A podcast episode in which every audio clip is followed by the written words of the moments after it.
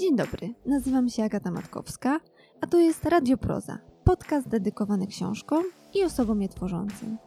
A dzisiaj zapraszam do wysłuchania odcinka, który poświęciliśmy książce wyjątkowej. Bo jak inaczej określić tom korespondencji, w którym spotykają się być może najwięksi polscy poeci XX wieku. Braterstwo poezji, korespondencja, wiersze i inne dialogi 1947-2013 tak zatytułowana książka ukazuje się w setną rocznicę urodzin Tadeusza Różewicza i w 110. rocznicę urodzin Czesława Miłosza jako efekt współpracy wydawnictwa literackiego i wydawnictwa Warstwy. Na ten jubileuszowy tom składają się listy, ale także wybór wierszy, esejów, rozmów, zapisków intymnych i innych utworów, w których Miłosz i Różewicz wypowiadali się o sobie nawzajem – Między innymi o tym, dlaczego relacja poetów wcale nie była taka, jak wielu historykom literatury się dotąd wydawało. W rozmowie z Waldkiem Mazurem opowiada redaktor i pomysłodawca książki Emil Pasierski. Miłego słuchania.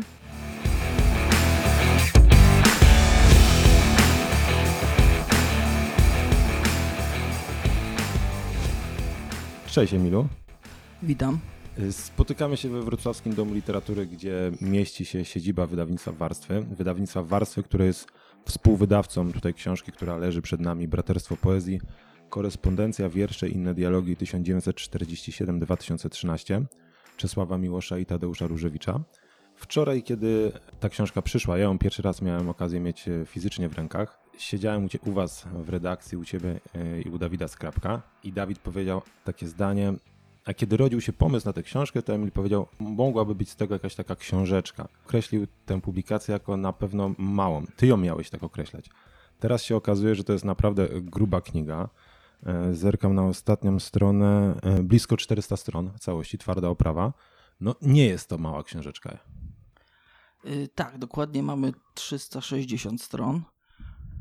I gdy zaczynałem myśleć o tej książce, w ogóle bez związku z, z rokiem Różewicza i, i ogólnie jubileuszowymi sytuacjami, e, dwa, trzy lata temu, y, myślałem, że może być ciekawe zebranie kilkunastu, być może listów, które się zachowały no jako jakiś tam dokument, być może, być może ciekawy.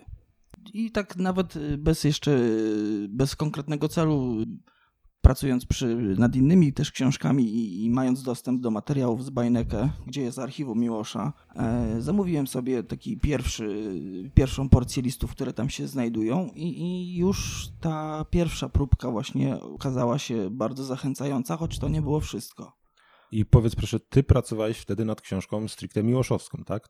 E, projekty różewiczowskie, to natrafienie na Różewicza tam to był przypadek, czy Konkretnie pod Różewicza też szukałeś materiałów? Nie, nie. Wtedy pracowałem nad y, bibliografią y, Miłosza, która się w początkach tego roku ukazała. Właśnie zamawiałem różne miłoszowskie materiały i, i mając dostęp do katalogu e, tego archiwum, no zobaczyłem, że jest tam e, jakiś zbiór korespondencji z Różewiczem, który właśnie postanowiłem zamówić.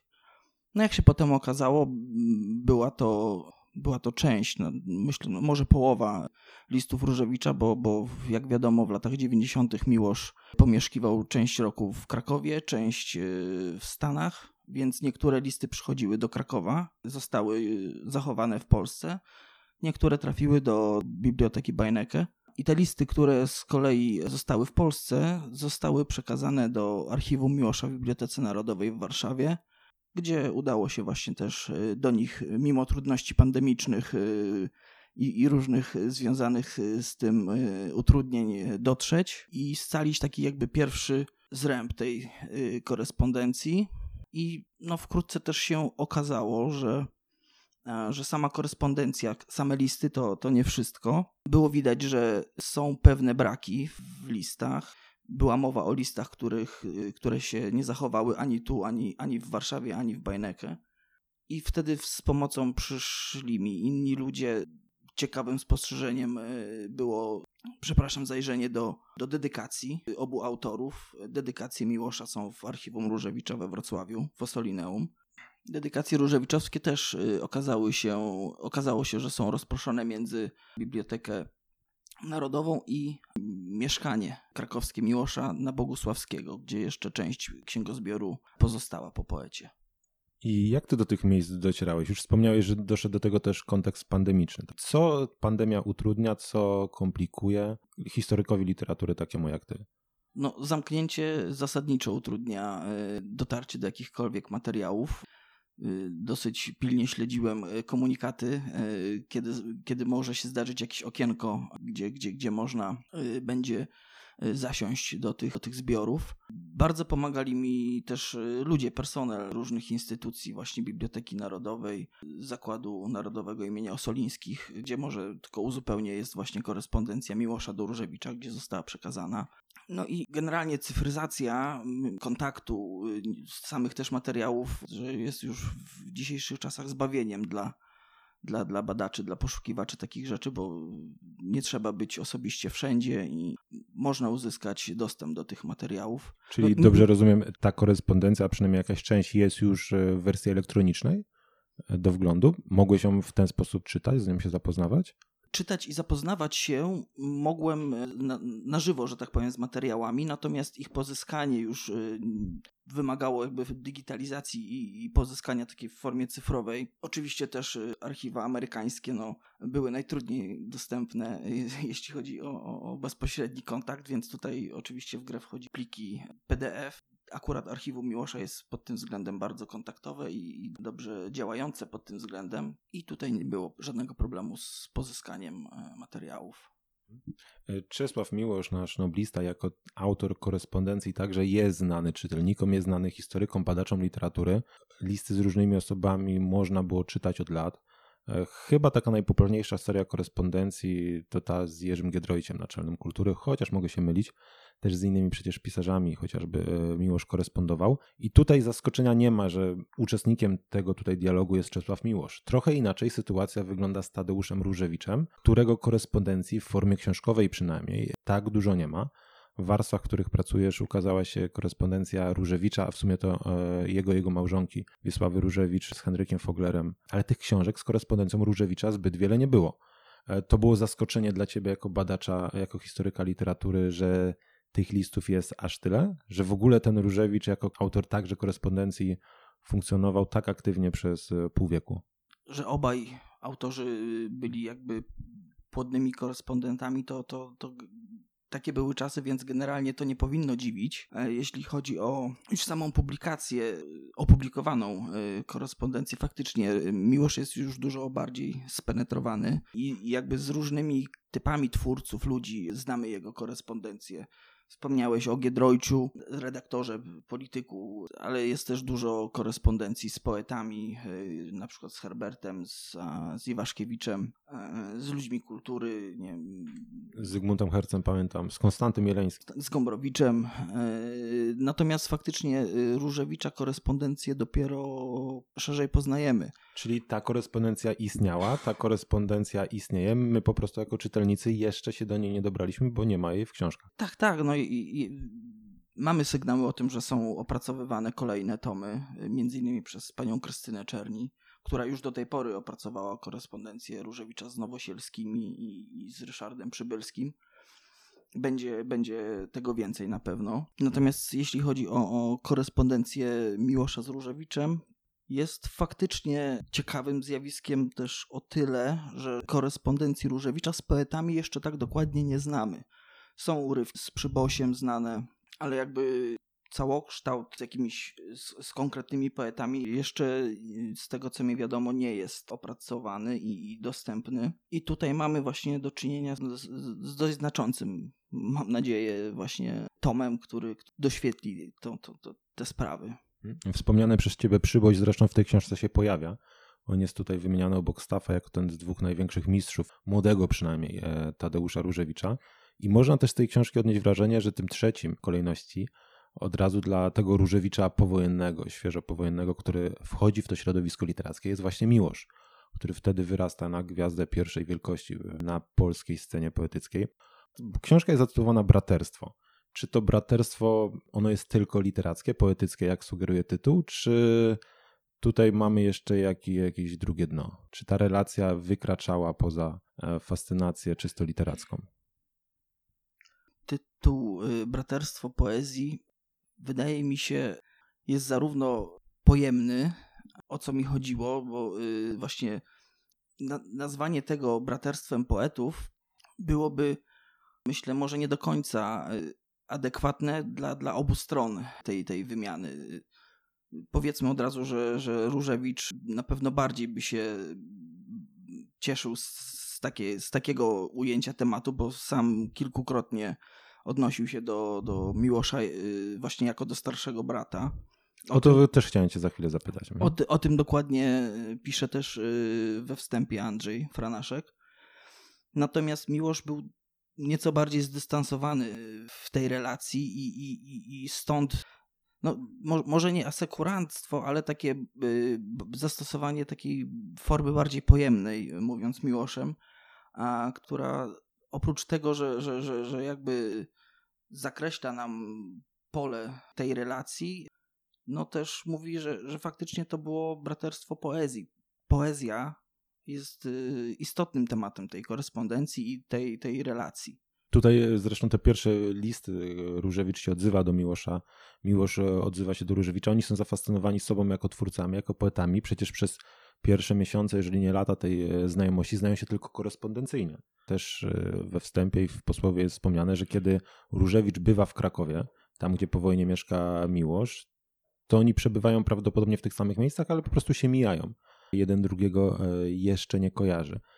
Co było takiego w tej poezji młodego Różewicza, że Miłosz się nią zainteresował, że zaczął pisać mu dedykację? Bo też pamiętajmy, że Różewicz równo 10 lat młodszy od Miłosza jest przedstawicielem pokolenia, które można by było uznać, Miłosz za bardzo jakoś nie cenił. Rówieśnicy Różewicza, którzy chociażby zginęli w trakcie powstania warszawskiego, Baczyński, pojawiają się także w tych listach i ich poezji Miłosz nie ceni.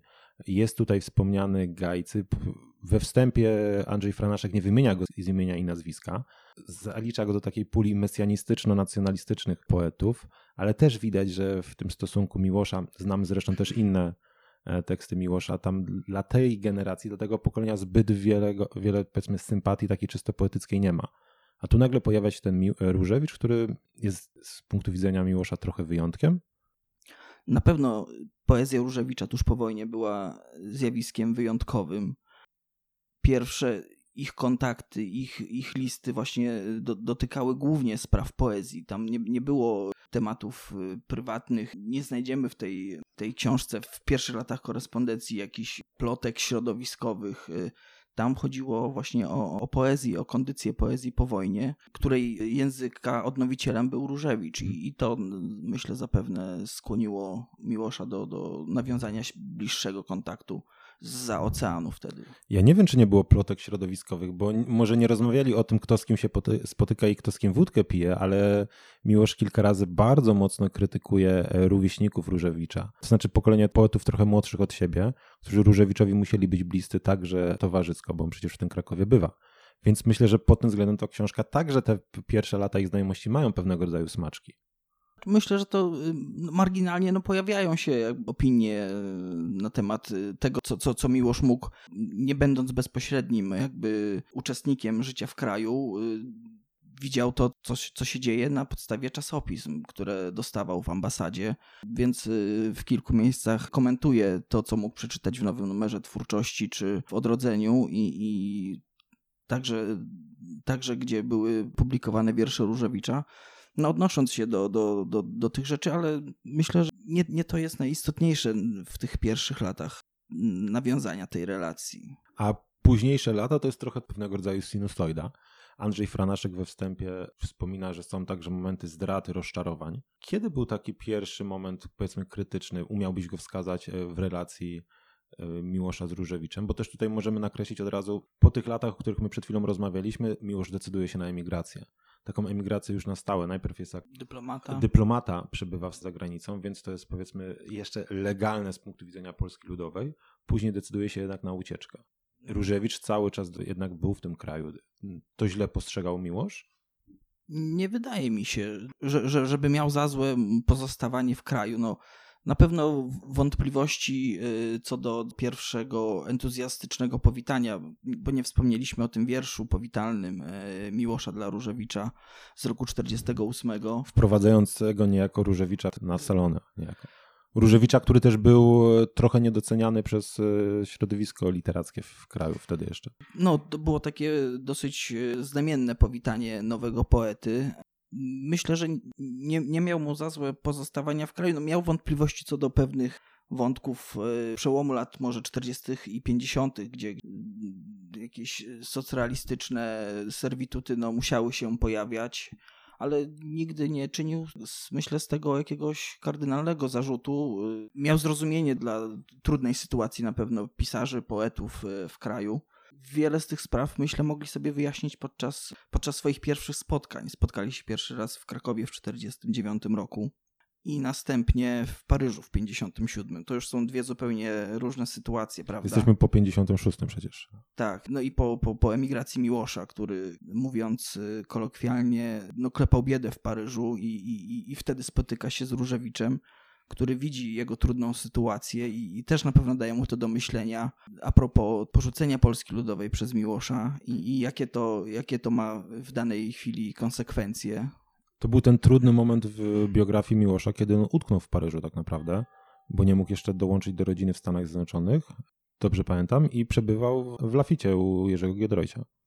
Czy kiedy się już spotkali, to już był, był e, razem z rodziną, mieszkał w e, Bricom Robert, pod Paryżem, ale w, w, trudnych warunkach, dwójka dzieci dla, na utrzymaniu y, emigracyjnego poety, więc to, to naprawdę były trudne warunki. I o tym też wspomina Różewicz w jednym z, z tekstów dotąd niepublikowanych, które udało się włączyć do tej książki, gdzie zawarł właśnie dokładny opis ich ówczesnego spotkania, no, no z wielu względów znamiennego dla tej relacji. Tutaj też chyba można dodać kontekst taki dla tych, którzy nie znają dobrze biografii Miłosza, że Miłosz też nie miał łatwo na emigracji, bo e, tutaj mówiliśmy o tym, ja dopytywałem, czy Miłosz źle zapatrywał się na tych, którzy decydowali się na zostanie w kraju, ale też ta emigracja była poróżniona. Byli ci, którzy decydowali się na emigrację od razu po II wojnie światowej. Praktycznie można powiedzieć, że z uchodźstwa nie wracali do Polski Ludowej. I Miłosz, jak i ten, ten, który najpierw Polsce Ludowej zaufał, później na emigrację się zdecydował, przez to środowisko głównie londyńskie, no nie był e, witany entuzjastycznie i cały czas e, różnego rodzaju podejrzenia do jego postaw, do jego decyzji wcześniejszych były gdzieś tam adresowane. No nie mówiąc o tym, co uważano o jego decyzji w kraju, gdzie, gdzie, gdzie został właśnie odsądzony od wszelkiej czci i wiary przez wielu pisarzy. A, Różewicz no, jakby nie, nie, nie ulegał tej, tej fali, to na pewno. A co do tego braterstwa i tej relacji między Różewiczem i Miłoszem, bo tutaj ty w posłowiu też zaznaczasz, że to jest ta korespondencja ujawnia, że i to, o czym już wspomniałeś, że tu nie ma takich do końca symetrycznych relacji. E, jednak ten Różewicz bardziej się odsłania. To można w taki prosty sposób tłumaczyć, że w trakcie wojny Różewicz traci starszego brata, w którego był bardzo zapatrzony i ten miłość trochę mu tego brata miał zastępować. Czy to jeszcze było bardziej skomplikowane i przez lata się zmieniało? No to niewątpliwie była mocno skomplikowana sytuacja i relacja. W 1957 roku, podczas tego spotkania w Paryżu, e, Różewicz zdał sobie sprawę, że, że faktycznie ich relacja chyba jest e, nieco głębsza e, niż, niż, niż zwykła relacja dwóch znajomych poetów, nawet ceniących się, a, a, a, a tak było. I cały ten kontekst właśnie trudnej sytuacji Miłosza na emigracji, jego też trudnej sytuacji w kraju, gdzie nie był doceniany, gdzie Różewicz w ogóle uważał, że był e, źle traktowany w, w, w, tych czasach, skłoniła go do bardziej osobistego traktowania tej relacji. E, właśnie po, po, po tym spotkaniu e, cała korespondencja przyjmuje taki bardziej osobisty ton ze strony Różewicza. Po powrocie z Paryża, gdy jak wiemy umierała matka Różewicza, napisał list do, do, do Miłosza, w którym którym właśnie y, przepraszał go za to, że nie mógł zostać dłużej, ale musiał nagle wracać z powodu trudnej sytuacji. Obawiał się, że już się mogą więcej nie spotkać. Dziękował mu za, za, za piękne wiersze. Dostał prawdopodobnie tom Światłodzienne od Miłosza, w którym, jak wiemy, jest, znalazł się też wiersz dla niego. Dziękował za te wiersze, wspominał, że, że były dla niego pocieszeniem w najtrudniejszych chwilach. I ten taki ton właśnie taki konfesyjny, bardzo, bardzo osobisty w listach Różewicza już no, utrwalił się do, do końca tej relacji. Nawet nie tyle do końca korespondencji, która trwa do roku 2003, ale też przez kolejne lata, bo książka obejmuje jeszcze kolejne 10 lat, kiedy Różewicz stworzył kilka, kilka tekstów poświęconych Miłoszowi. Myślę, że właśnie ta, ta warstwa, ten stosunek Różewicza do Miłosza jest nawet, nawet ciekawszy, patrząc na całą książkę. Jakby jest, wybija się w takiej w lekturze, w odbiorze tej książki.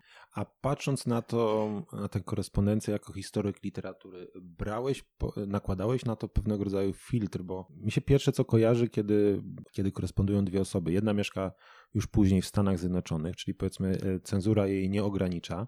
I tutaj mowa oczywiście o Czesławie Miłoszu. I mamy Różewicza, który musiał mieć świadomość, że jego korespondencja wysyłana za granicę jest czytana przez kogoś jeszcze. Czy to widać w tych listach? Czy odbija się? Czy ten Różewicz jest trochę zachowawczy albo posługuje się innym językiem, żeby chociażby w opisywaniu rzeczywistości?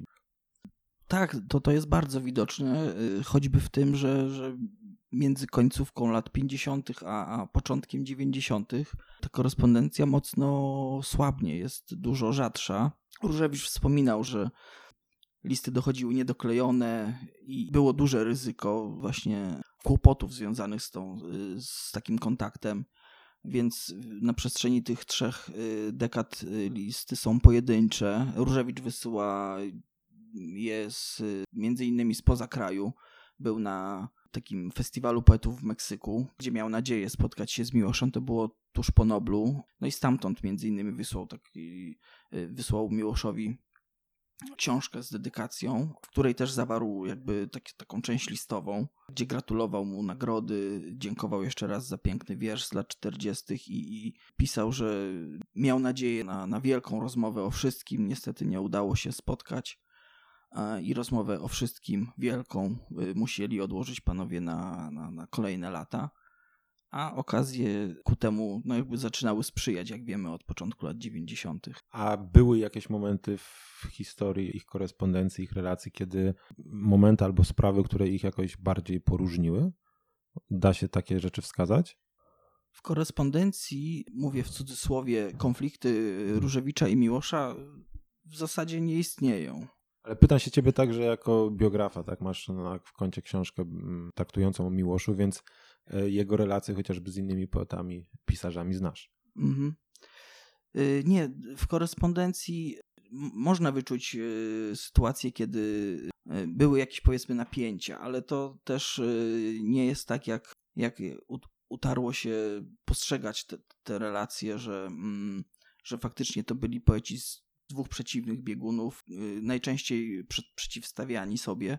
Często się zdarzało, że wiersze interpretowane jako właśnie jako stanowcze polemiki, niekiedy nazywane nawet połajankami przez badaczy, y, okazywały się podarkami na przykład na urodziny, na jubileusz. Y, dwa wielkie wiersze, jakby stanowiące też istotę przyjaznych sporów z lat 90. między Miłoszem Różewiczem zostały przesłane bez jakiegoś e, dosadnego komentarza, po prostu jako dwa wiersze polemiki z Panem. I jakby ta, ta, ta warstwa kontekstu, który przez lata narósł, e, akurat tutaj się, się, się nie utrwaliła w korespondencji. To były zawsze przyjazne stosunki, zapewnienia o przyjaźni i pamięci. Mhm.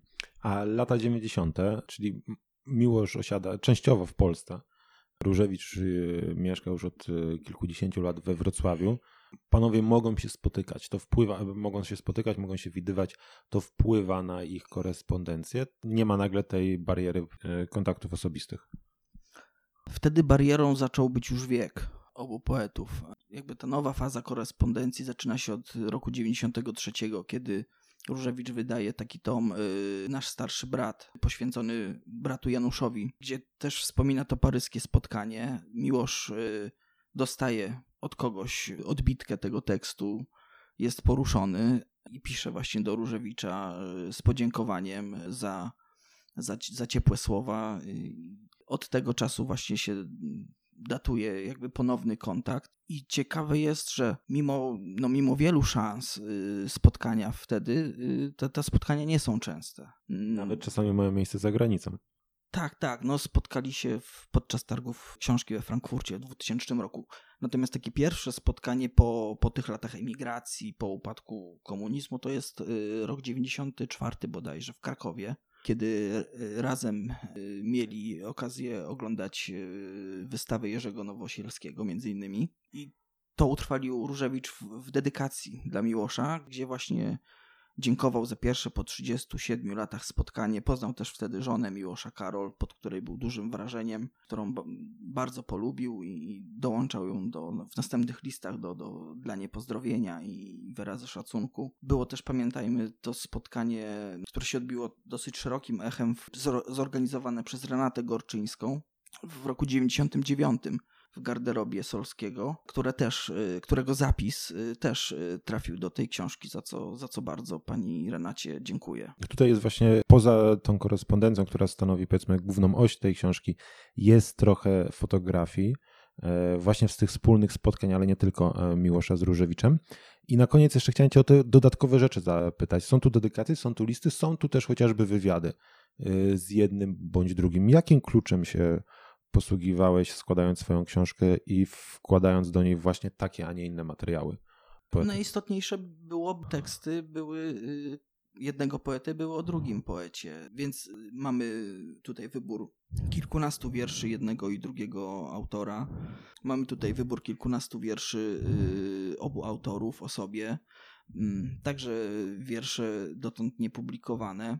Znaczy, dużo wywiadów tutaj nie ma. Jest y, ta główna rozmowa y, dwójki poetów z, z Renatą Gorczyńską i jest fragment rozmowy Miłosza z profesorem Aleksandrem Fiutem, gdzie właśnie wspominają tę relację obaj. No oprócz tego są y, teksty eseistyczne, wspominkowe. Myślę, że bardzo ciekawe mogą być fragmenty z archiwów niepublikowane, gdzie czasem są to, jak w przypadku Różewicza, większe całostki, takie dziennikowe.